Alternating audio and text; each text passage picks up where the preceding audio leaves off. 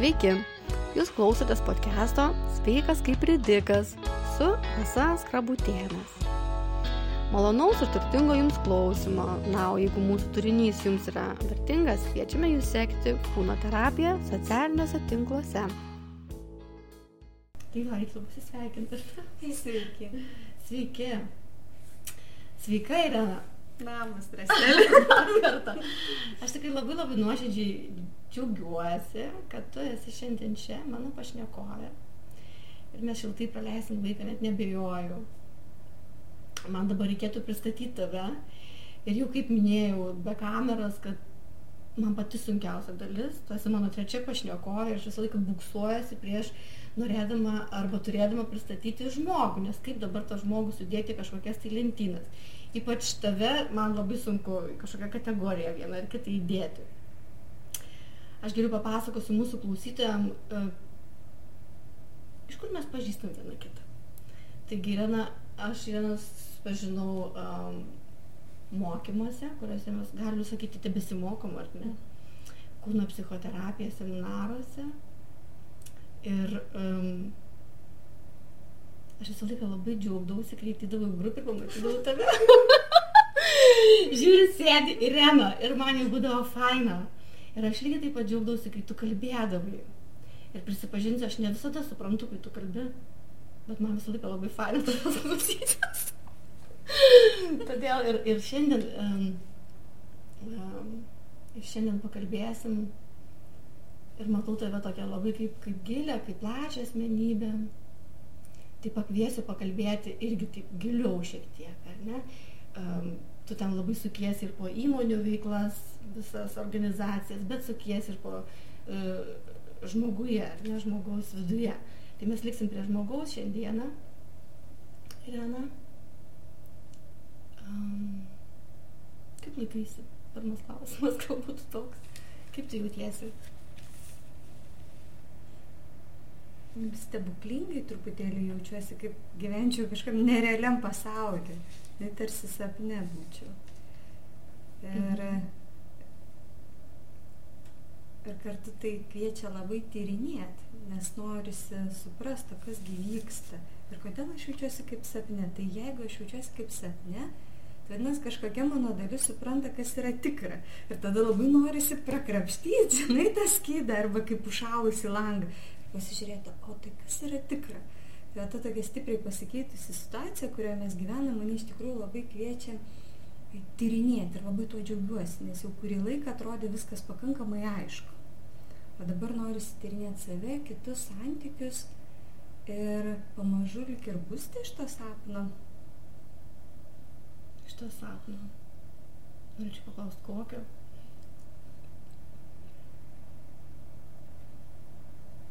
Mhm. Sapnas būtų toks, kad aš vaikštau mišku, stinga, labai labai gera, bet aš suprantu, kad sninga jau turbūt kokį 20 metų. kad aš kokį 20 metų vaikštau tuo mišku. Ir man labai gera jo vaikščioti. Ir suprantu, kad na, nėra pasaulis vien tik miškas. Ir norėtųsi pasižiūrėti, o kasgi yra už miško, išėjus iš to miško, kas yra ten kitur, kitose srityse, kitose pasauliuose, kitose miesteliuose. Tai sapnas būtų toks apie ieškojimą kelio ar durų į kažkokią naują patirtį, naują supratimą. Galbūt dėl to, kad dabar mes kaip tik ir artėjom ties naujų metų riba, ne? Kartu užbaiginėjom metus, kurie buvo nepaprasti ir netokio ne, neapibrieštumo, daugiau klausimų, ieškojimų. Ir kartu visgi šitie metai buvo dar ir pilni tokio buvimo remiantis savo patirtim iš inercijos. Tiesiu tai, ką jau dariau daug metų nors situacija pasikeitusi kviečia mane ieškoti naujų kelių. Tai va, tai, tai, tas sapnas būtų apie norą išeiti iš miško. Ir turbūt pamatyti tokią spalvotą spindinčią karalystę. Ne kaip pasakų karalystė, taip yra išeini iš savo namų, tada ateini į mišką, ten tam miške kažko ieškai, keliauji, kažką bandai, o paskui išeini ir sutinki ten visokiausius stebuklus. Tai paskui vėl sugrįžti. Į mišką. Bet jau dabar tada, o gal čia nagryba. Mhm. Nu, va, matai, sakiau, kad tavęs faina klausytis, bet tiesiog, va, kaip ir norisi, kad tęstumai. Um, tu, va, min, paminėjai pasikeitusią situaciją, ne, ir mes visi žinom, kad ta situacija, nu, iš tikrųjų tokia, mums kelianti baimę ir mes nežinom, kaip bus, kaip bus rytoj, kaip bus po savaitės, kas bus po naujųjų metų. Ir tas sveikatos aspektas irgi um, ir, ir mūsų, ir mūsų, mūsų tėvų, mūsų senelių. Kaip tu pati galvoji apie sveikatą, Irena? Ar, ar tu pagalvoji apie sveikatą, ar tau jinai tiesiog tokia kažkokia savaime? Ne, iš tikrųjų aš turiu labai aišku, to, aišku savo požiūrį į sveikatą ir jis turi teorinį pagrindą ir vadinasi salutogenezė. O salutogenezė reiškia sveikatos kilmė. Ir jos autorius yra toks Aronas Antonovskis, kartu su juo ties salutogenezė dirba ir mums visiems žinomas toks Abrahamas Maslau, kuris poreikių piramidę nupaišė. Ir salutogenezė sako, kad ilgą laiką apie sveikatą buvo kalbama kaip apie lygos nebuvimą. Patogenezė. Tai yra kažkokia Taip. lyga, patologija, panaikinkim tą lygą ir bus sveikata. O salutogenezė sako ne. Tai sako, kad sveikata tai yra viso gyvenimo kelionė. Kad tai yra šaltinis. Ir žmogus visada keliauja į sveikatą. Lygiai taip pat kaip ir dvasingumas nėra tai, ką tu gali pasigaminti atlikęs kažkokią praktiką ar, ar suvokęs kažkokią tiesą. Tai yra kelionė. Ir tas supratimas, kad tai yra kelionė link resursų, link didesnio samoningumo, iš tikrųjų apjungiant fizinę sveikatą, psichinę sveikatą ir dvasinę sveikatą, tai apie tai kalba ir salutogenezė, jis iš tikrųjų užtikrina mūsų didesnį atsparumą iššūkiam. Tai man patinka salutogenezė tuo principu, kad jie nesako, kad gyvenimas bus paprastas. Jis sako, kad mes visada susidursim su iššūkiais, bet turėdami tos vidinius resursus, turėdami požiūrį, kad mes siekiam sveikatos, mes visada ieškosim teisingų, sveikesnių sprendimų. Ir šita, šitas visas mokslas atsirado būtent po antro pasaulinio karo, kada psichoterapeutai nagrinėjo žmonės, išgyvenusius koncentracijos stovyklas ir nagrinėjo, kodėl ne patys stipriausi fiziškai dažnai būdavo žymiai atsparesni. Kodėl vieni žmonės palūždavo, o kiti tose pačiose situacijose, kaip amžinatelis tėvelis Stanislavas, netgi nušvisdavo. Taigi tos pačios sąlygos, taip pat sudėtinga, toks pats žmogus, su labai panašiais resursais ir pasiekia labai skirtingą rezultatą. Ir iš tikrųjų yra labai daug tyrimų vėliau atliktų ir su žmonėmis, kurie patyrė Černobilio katastrofos padarinius, žmonėmis, kurie gatvėje gyvena, labai labai įvairiais ir sudėtingais atvejais. Ir būtent visi šie atvejai patvirtino, kad tai yra didelė dalimi požiūris. Požiūris ir santykis su savimi, su savo sveikata, minčių Mhm. sveikata, jausmų sveikata, kūno sveikata. Tai man sveikata yra kelionė. Ir Iki paskutinio taško. Labai, skamba labai, labai gerai. Kelionė iš to miško, ar ne? Tai. Labai tu sugretinai sveikatą kaip ir dvasingumą, vat kelionę plat- į, į, į, į, į tą platesnį suvokimą. Um, dar norėčiau paklausti tavęs, o kaip, kaip tu duotum kokį savo tokį asmeninį apibrėžimą apie dvasingumą? Kas tau tada yra dvasingumas, jeigu sugretinam sveikatai? Tai būti meilės pavyzdžių. Taip aš galvoju savo. Man dvasingumas yra ne apie tai, ką kalbė, apie tai, ką darai. Ir koks tu esi pačioje sunkiausioje situacijoje.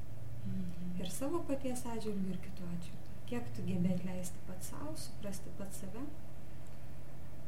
Ir kartu nu, ir priimti kitus ir situacijas, kurios tau nepatinka. paprastai sakant, man tai yra meilės praktika. Visom prasmėm. Ne kitam, pasauliui.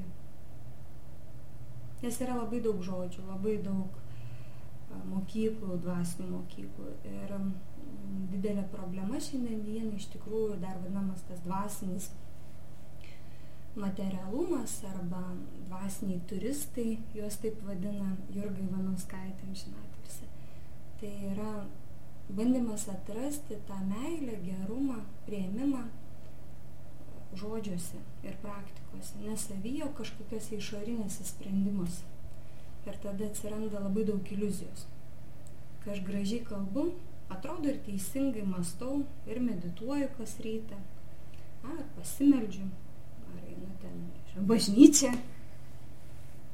Bet nieko negaliu padaryti su savim, nupykstu, nekenčiu, sergu ir nepakeliu iššūkių, nebenoriu būti gerų žmogų, man nepavyksta. Ir šitoje vietoje tada atsiranda tas poreikis ieško dar gudresnių, dar kažkokių įdomesnių praktikų, rimtesnių, nes jau paprasčiausia meditacija, kada tik stebi kvepavimą, jau tau nepadeda, jau tau reikia, žinau, ten auksinių varpų aplinka. Ir, ir dėja, bet iš tikrųjų tai yra pabėgimas. Nes ne ten, ne kažkur, ne išoriai, ne, ne gudriuose sprendimuose yra tas dvasingumas. Mes, kada kalbam apie jį, rodydami pavyzdžius, matom labai paprastus žmonės.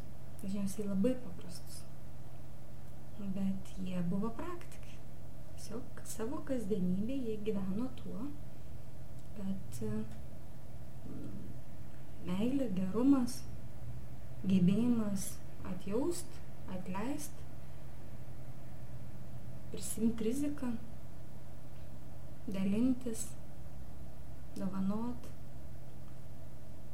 rinktis šypseną, kai tau viduje skauda, rinktis skausmą, suprantant, kad gali prarasti kitą žmogų, bet pasakyti ties, išsakyti savo poreikį.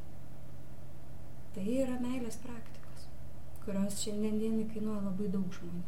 Kartais kainuoja daugybę metų alkoholizmo, prievartos, sudėtingų santykių, vien tik tai dėl to, kad žmogus nedrįsta. Nedrįsta praktikoje pasielgti kaip mylinti save žmogus, gerbintis. Na, daug yra priežasčių.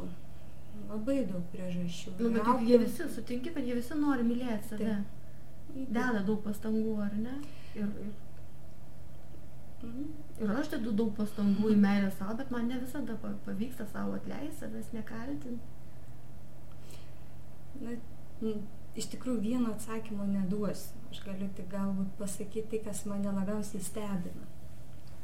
Labiausiai stebina tai, kai supranti, kad žmogus galvoja, kad pasiaukoti vardant kitų gėrio, paukoti savo sveikatą, mm, savo gerovę yra teisinga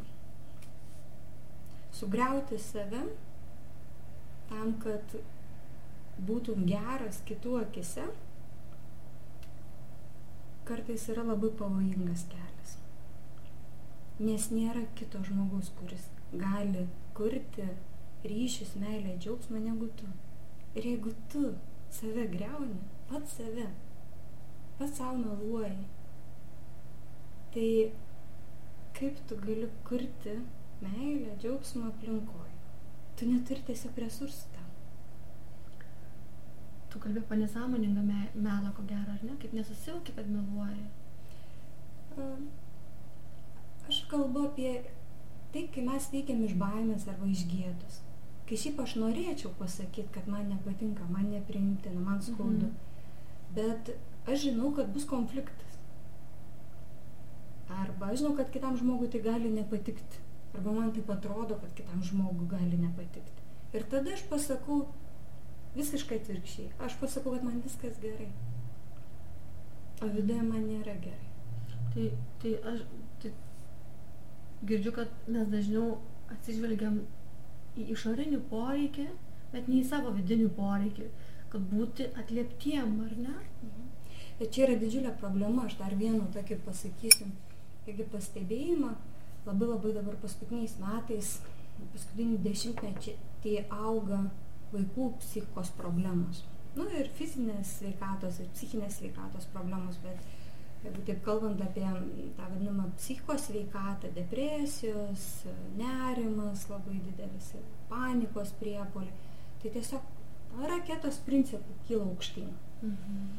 Ir tyrinėjau šiek tiek šitą klausimą ir pavyko atrasti tik tai vieną rinkinį tyrimų, kuris apėmė na, daugiau negu dešimt metų laikotarpį ir kuris pastebėjo tendenciją, tokią pat tendenciją kaip ir, sakim, depresijos, savižudybės jaunimo tarpe. Ir ta tendencija buvo susijusi su tuo, kad labai auga dalis jaunų žmonių, kuriems išorinė nuomonė yra svarbesnė nei jų vidiniai pasirinkimai. Yra dėl socialinių tinklų įtakos, iš tikrųjų, dėl apskritai bendros kultūros tampa labai svarbu įvertinimas. Nu, tas pats laikas, tiesiog įvertinimas, atitikimas kažkokiam standartam, e, kažkokiam lūkesčiam atitikimas, ne savo paties lūkesčiam o galbūt aš iš tikrųjų mano tokia yra kūno sudėtis, kad aš negaliu būti liekna. Tai dėl to aš dabar esu prastesnė. Ir kažkada tai nebuvo klausimas, bet vis auganti ta kultūra nuomonės formuotojų, tiesiog apskritai bendra kultūra, kad tu turi atitikti tam tikrus standartus, jinai kelia labai didelį įtampą. Ir kartu paaiškėjo, kad žmonės, kurie Mm, labiau vadovaujasi kitų nuomonė negu savo vidiniais pasirinkimais, kas man svarbu, kas tenkina mano poreikius, bet labiau galvoja apie tai, kaip mane priims, ar mane įvertins, kaip aš atrodysiu. Tai šitie žmonės yra linkę galvoti, kad sėkmė priklauso nuo išorinio aplinkybių, o ne nuo jų pačių pastangų ir pasirinkimų. Ir tada atsiranda labai nesaugu būti šitoje žemėje. Nes tu nieko negali suprasti, nes viskas priklauso nuo kažkokio surprizo, Nu ir dar galbūt kažkiek nuo to, ar tu patiksi. Tai čia aišku tik vienas iš kampų, bet na, mokslininkai pastebėjo, kad tai yra tokia bendra tendencija ir labai labai daugėja jaunų žmonių, kurie neturi to laisvo pasirinkimo. Tam, kad tu turėtum laisvą pasirinkimą, tu visų pirma turi girdėti savo poreikius. Tu turi svajoti savo svajonės. Jie užduot savo klausimus kas aš esu, kaip aš gyvenu, kas man priimtina, kas man nepriimtina. O kas atėmė tą pasirinkimą užduoti savo tos klausimus? Man turbūt geras, gera formuluotė, kas atėmė patys ir atėmėm. Patys ir atėmėm iš savęs, nes iš tikrųjų niekas neatėmė. Tiesiog yra labai malonu, kada tave pripažįsta ir kada tave priima. Ir tai yra savotiškas narkotikas noras būti primtam, noras gauti tą palaikymą, prieimimą, jis yra labai svarbus kiekvienam žmogui, gyvybiškai svarbus. Bet ar jis nėra svarbus? Svarbus taip. Tik tai klausimas, ar iš tikrųjų e, svarbu ir mus praturtina, kai mus priema artimi žmonės. Ir galbūt tai yra vienas žmogus, Ar mums svarbu, kad mus priimtų daugybė žmonių, kur mūsų net nepažįsta ir nesupranta. Tai čia aišku, mes kalbam sudėtingus tos klausimus, tačiau... Labai, ir labai, ja. ir čia kur, man tai lab, nu, man labai labai svarbu, ką tu kalbi. Ir aš, aš, aš suprantu ir apie tą atsigrėžimą į save ir klausimų uždavimą savo, ką tu ir minėjai kas aš esu, kur aš einu ir kodėl ir kam. Ir, um, ir tas, um, kaip aš save matau, priimu ir, ir, um, ir matau, jo, matau, labiausiai matau. Ir kaip mato mane kiti. Bet man dabar, va, žinai, skamba, um, kad mes pažįstam save per santyki. Ir jeigu nebūtų to kito, jeigu nebūtų tos mamos, tos tėtės, kuris žiūri tave ir užtvirtina tave, tai, tai, žinai, kaip aš pamatyčiau save. Ir aš, nu, bandau dabar, va, kažkaip tą ribą bandai surasti. Išlaviruot, kaip pačiam pamatyti save, nes man tai toks žinok, egzistencinis klausimas. Aš kažkada pas savo psichoterapeutę klausiau, priremiau prie sienos. Sakau, ar gali žmogus mylėti pat save? Man tai, buvo, man tai tebėra toks svarbus klausimas. Nu, žinai, mano psichoterapeutė labai gera buvo, tai jos atsakymas, žinai, buvo toks atsakymas. O ką manai tu? Žinai. Mm. Tai, um, tai man labai įdomu. Gali kažką, tai, va, kaip, kaip, va, kas tau ateina į galvą, va, tarp, kiek, pri, kiek, aš nekalbu apie tą tokį, va, žinai, kad kuo daugiau laiko, aš suprantu, bet apie tą tokį elementarų, būti pamatytam, išgirstam, būti, nu, kad tave mylėtų, taip, ten išoriai ir paskui tu pats viduje myli save.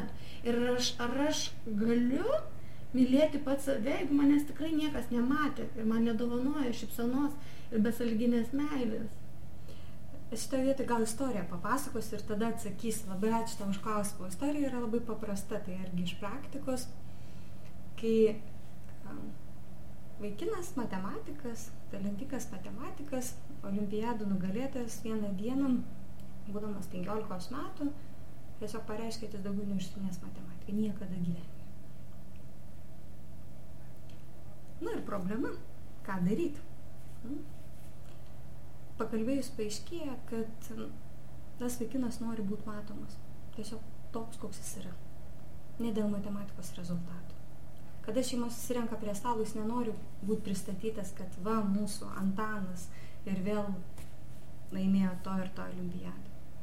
Tai iš tikrųjų vienas iš, iš dalykų tai yra tai, kad mes galvom, kad rezultatai ir mūsų pasiekimai sukuria mūsų vertę. Ne. Mes esame a priori vertingi. Ir čia iš tikrųjų aš kalbu apie kultūrą. Ir jeigu mes patys save priemam kaip vertingus, ne dėl to, kad mes padarėm dar vieną kažkokį pasiekimą, bet dėl to, kad tiesiog esam patys su savim kiekvieną dieną šypsomės, tengiamės, kartais mums nepavyksta, kad mes esam riboti, mes turim dar daugybę galimybių mokytis. Jau mes nelyginam savęs su kitais. Ir visų pirma, mes atsisukam į save kaip visą žmogų, ne tik kaip tam tikrų, nežinau, kaip įmonė sako, KPIs, rodikliai, pasiekimai. Tai labai aš noriu apie tai kalbėti, kad iš tikrųjų per kučias, per kalėdas, kad mes atsisuktumėm vienas į kitą ir tikrai labai nuoširdžiai paklausim, kaip tu jautiesi, kaip tu gyvenai.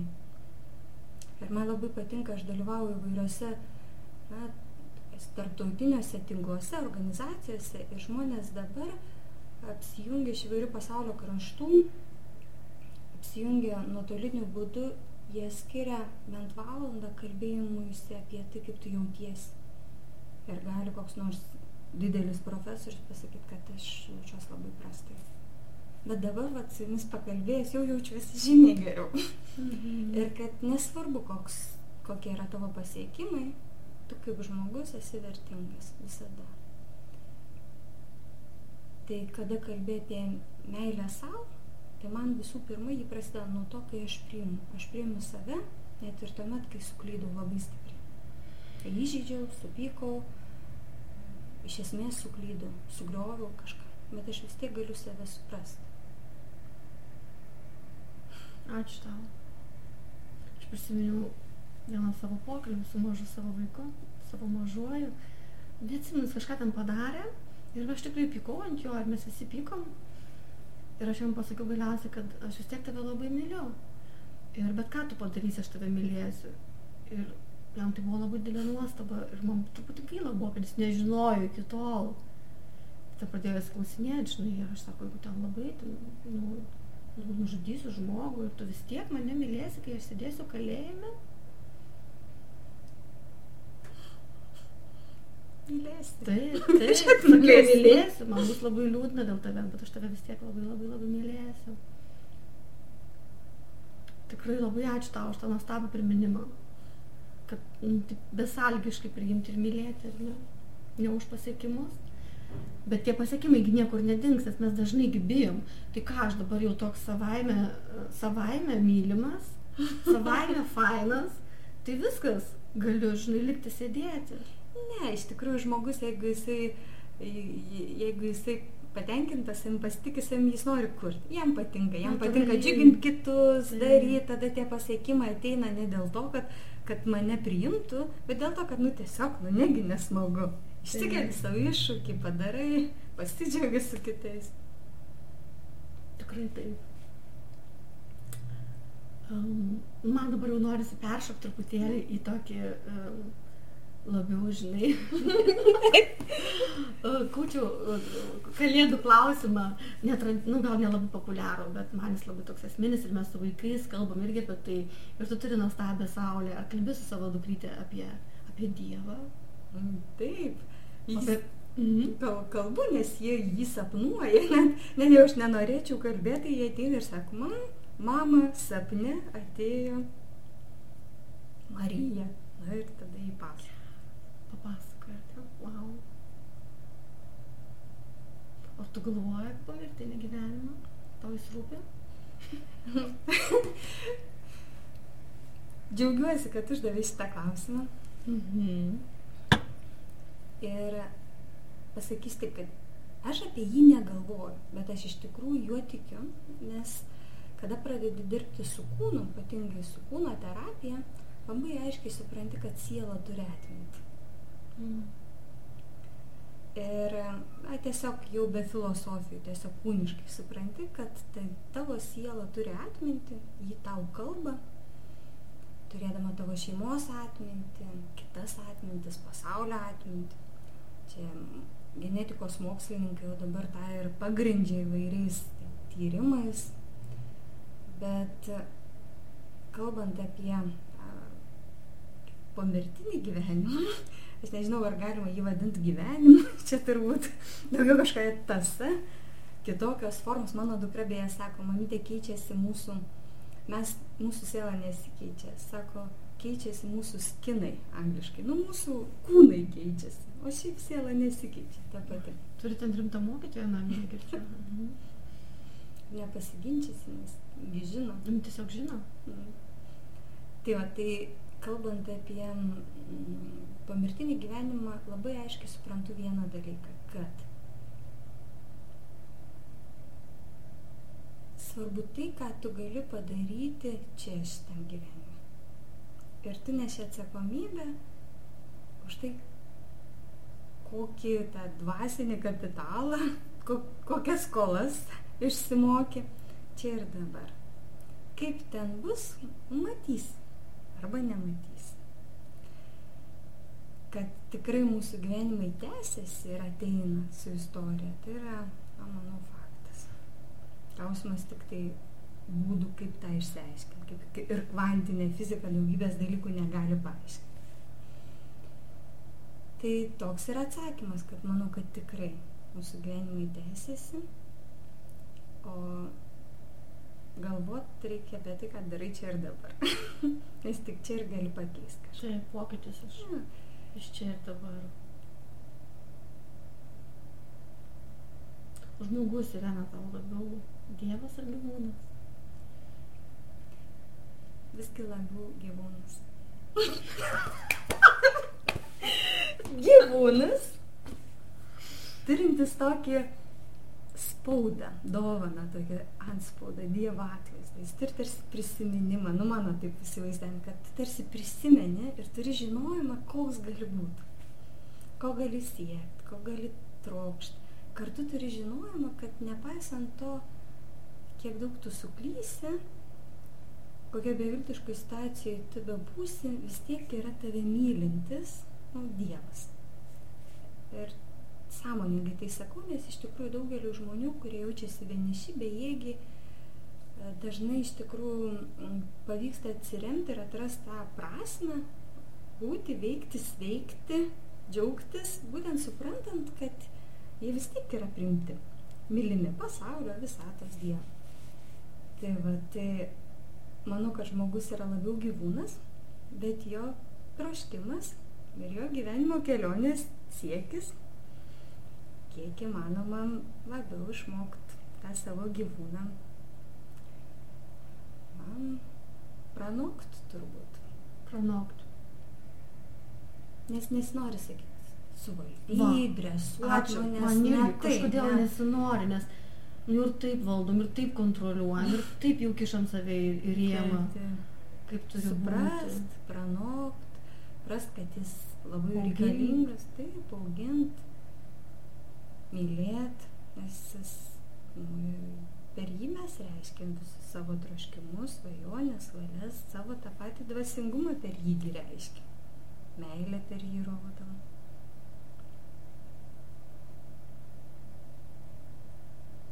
Jau labiau tie gyvūnai, žinai, kaip pasižiūri, tai... Nežinau, matei filmą Octopus Man Teacher? Teko matyti? Taip, mačiau. Tai kažkaip man visai patinka būti tos giminės atstovu. o ką tu manai? Žmonės labiau, mes, mūsų žmonėje, mes labiau progresuojam ar regresuojam? Kaip tu matai? Aš manau, kad mes dabar esam tokiam pereinamajam laikotarpį, tokia paauglystė tokia. Tai paauglystė yra vienu metu kaip ir regreso požymų, nemažai. Tai dar jau kaip ir vaikai, bet ne visai vaikai, bet ir kartu tokių proveržių, labai labai ryškių, labai tokios gilios brandos suvokimų, kurie tarsi sako, kad, na, ne visai tai yra regresas.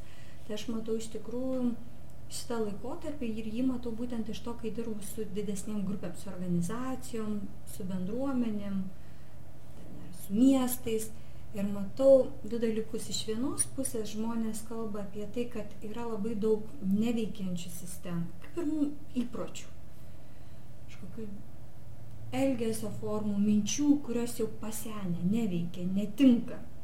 Ir kartu pradeda žmonės ieškoti naujų atsakymų. Visai kitaip žiūri tai, kokia turėtų būti mokykla, kaip galėtų būti šeimoje, kaip galėtų keistis organizacijos, kokia galėtų būti architektūra. Tai iš tikrųjų tai yra pats nuostabiausias laikotarpis, kuriame mes gyvenam, nes mes galim pamatyti labai daug stebuklų. Nes iš tikrųjų tai, kas dar per pastarosius penkerius metus atrodė kaip naujovės, pavyzdžiui, ten informacinėse technologijose, ten elektroniniai komercijos, ten auga, auga, auga, dabar šitie verslai sako, atstoja viskas. Ir jie yra priversti ieškoti gilesnių atsakymų, prasmų, keistis. Tai, tai va taip apibūdinčiau. Man atrodo, kad dabar yra virsmo laikas, kuriame ir sunku, ir regreso yra, šiek tiek sulėtėjimo, bet ir yra tam tikrų proveržių labai gražių. Ta švituoklė, man dabar tokia, žinai, pirmin, atgal, pirmin, atgal. Tai tiki stebuklais. Labai. Ir saulė tiki dar kalėdų senių. Dar, atsiprašau už tą dar. Jinai tikrai žino, kad mes dedam dovanas paglę. Nu, Tai žinai, tikrai žino, bet kalėdų senių tiki. Pavyzdžiui, labai tiki dantukų fėją. Ir aš galvoju, kad tas tikėjimas stebuklais yra irgi pasirinkimas. Tu supranti, kad daug ką padaro tėvai, nu bet tiki ir vienaragiais. Tik netikėti, jeigu yra, visi žino, kaip jie atrodo, aš galiu, žinau jų funkcijas, ką jie daro, kaip jie veikia. Tai, tai, tai tais tikėjimas stebuklais, man vyras vieną kartą labai gražiai pasakė. Aš taip mėgstu viską sudėlioti, sustiguoti, išsiaiškinti, suplanuoti, surašyti po minučiai ir jis sako, žinai, jeigu nori, kad tavo gyvenime įvyktų stebuklas, na palik plyšelį Dievui veikti. Mm, Neapibrieštumą kaip plyšelį. tikrai. Priešelį. Mano vaikai sako, o ar tu tiki Dievą? Ar tu žinai, ne, jie mane prirėmė prie sienos, sako, ar yra Dievas? Sakau, aš nežinau, aš tik tikiu. Aš tikiu, kad yra Dievas. Tikėjimas nėra žinojimas. Aš tikiu ir aš renkuosi samoningai tikėjimą. Man taip smagiau gyventi. Mes irgi tikim, sakė. Irgi pasi- pasirinko tikėti. Ko savo palinkėtum, Irena? Savo. Labai sudėtinga man iš tikrųjų, nes atrodo, kad mm, jeigu aš savo linkiu, tai tarsi man kažko trūktų. Toks, ir tada kyla mintis, kad aš savo linkiu labai daug džiaugsmo. Džiaugtis net ir ten, kur ne vieta būtų džiaugtis. Aš labai norėčiau iš tikrųjų savo palinkėti daugiau džiaugsmo, bet tokio nepasverto, nepamatuoto, tiesiog, žinai, kai būna spontaniškas džiaugsmas. Man labai patinka, kad kartais pavyksta tiesiog susitikus su žmogum pradėti juoktis. Ir galvoju, ko aš juokiuosi, o juokies nes viduje kažkoks džiaugsmas, kad jūs susitiko. Tai labai norėčiau savo palinkėti tokio džiaugsmo, besąlyginio irgi, lengvo, paprasto. Smagu. Tai aš linkiu tau džiaugsmo, tokio paprasto, lengvo. Ir mūsų klausytojams, kurie mūsų irgi galbūt klausė, irgi linkiu uh, paprasto džiaugsmo, tų plyšelių gražių, kur galėtų atsitikti stebuklas. Ir įsiklausimų į savęs, priėmimo savęs, ten, kur esam, tokie, kokie esam. Tai gražių švenčių. Ir ačiū tau labai labai, Rena, mums buvo labai gera. Ačiū, Rasa, tikrai labai gražių švenčių. Ir Ačiū dabar. Klausyk, aš pamiršau pasakyti tau, paprašyti, kad tu pristatytum. Labai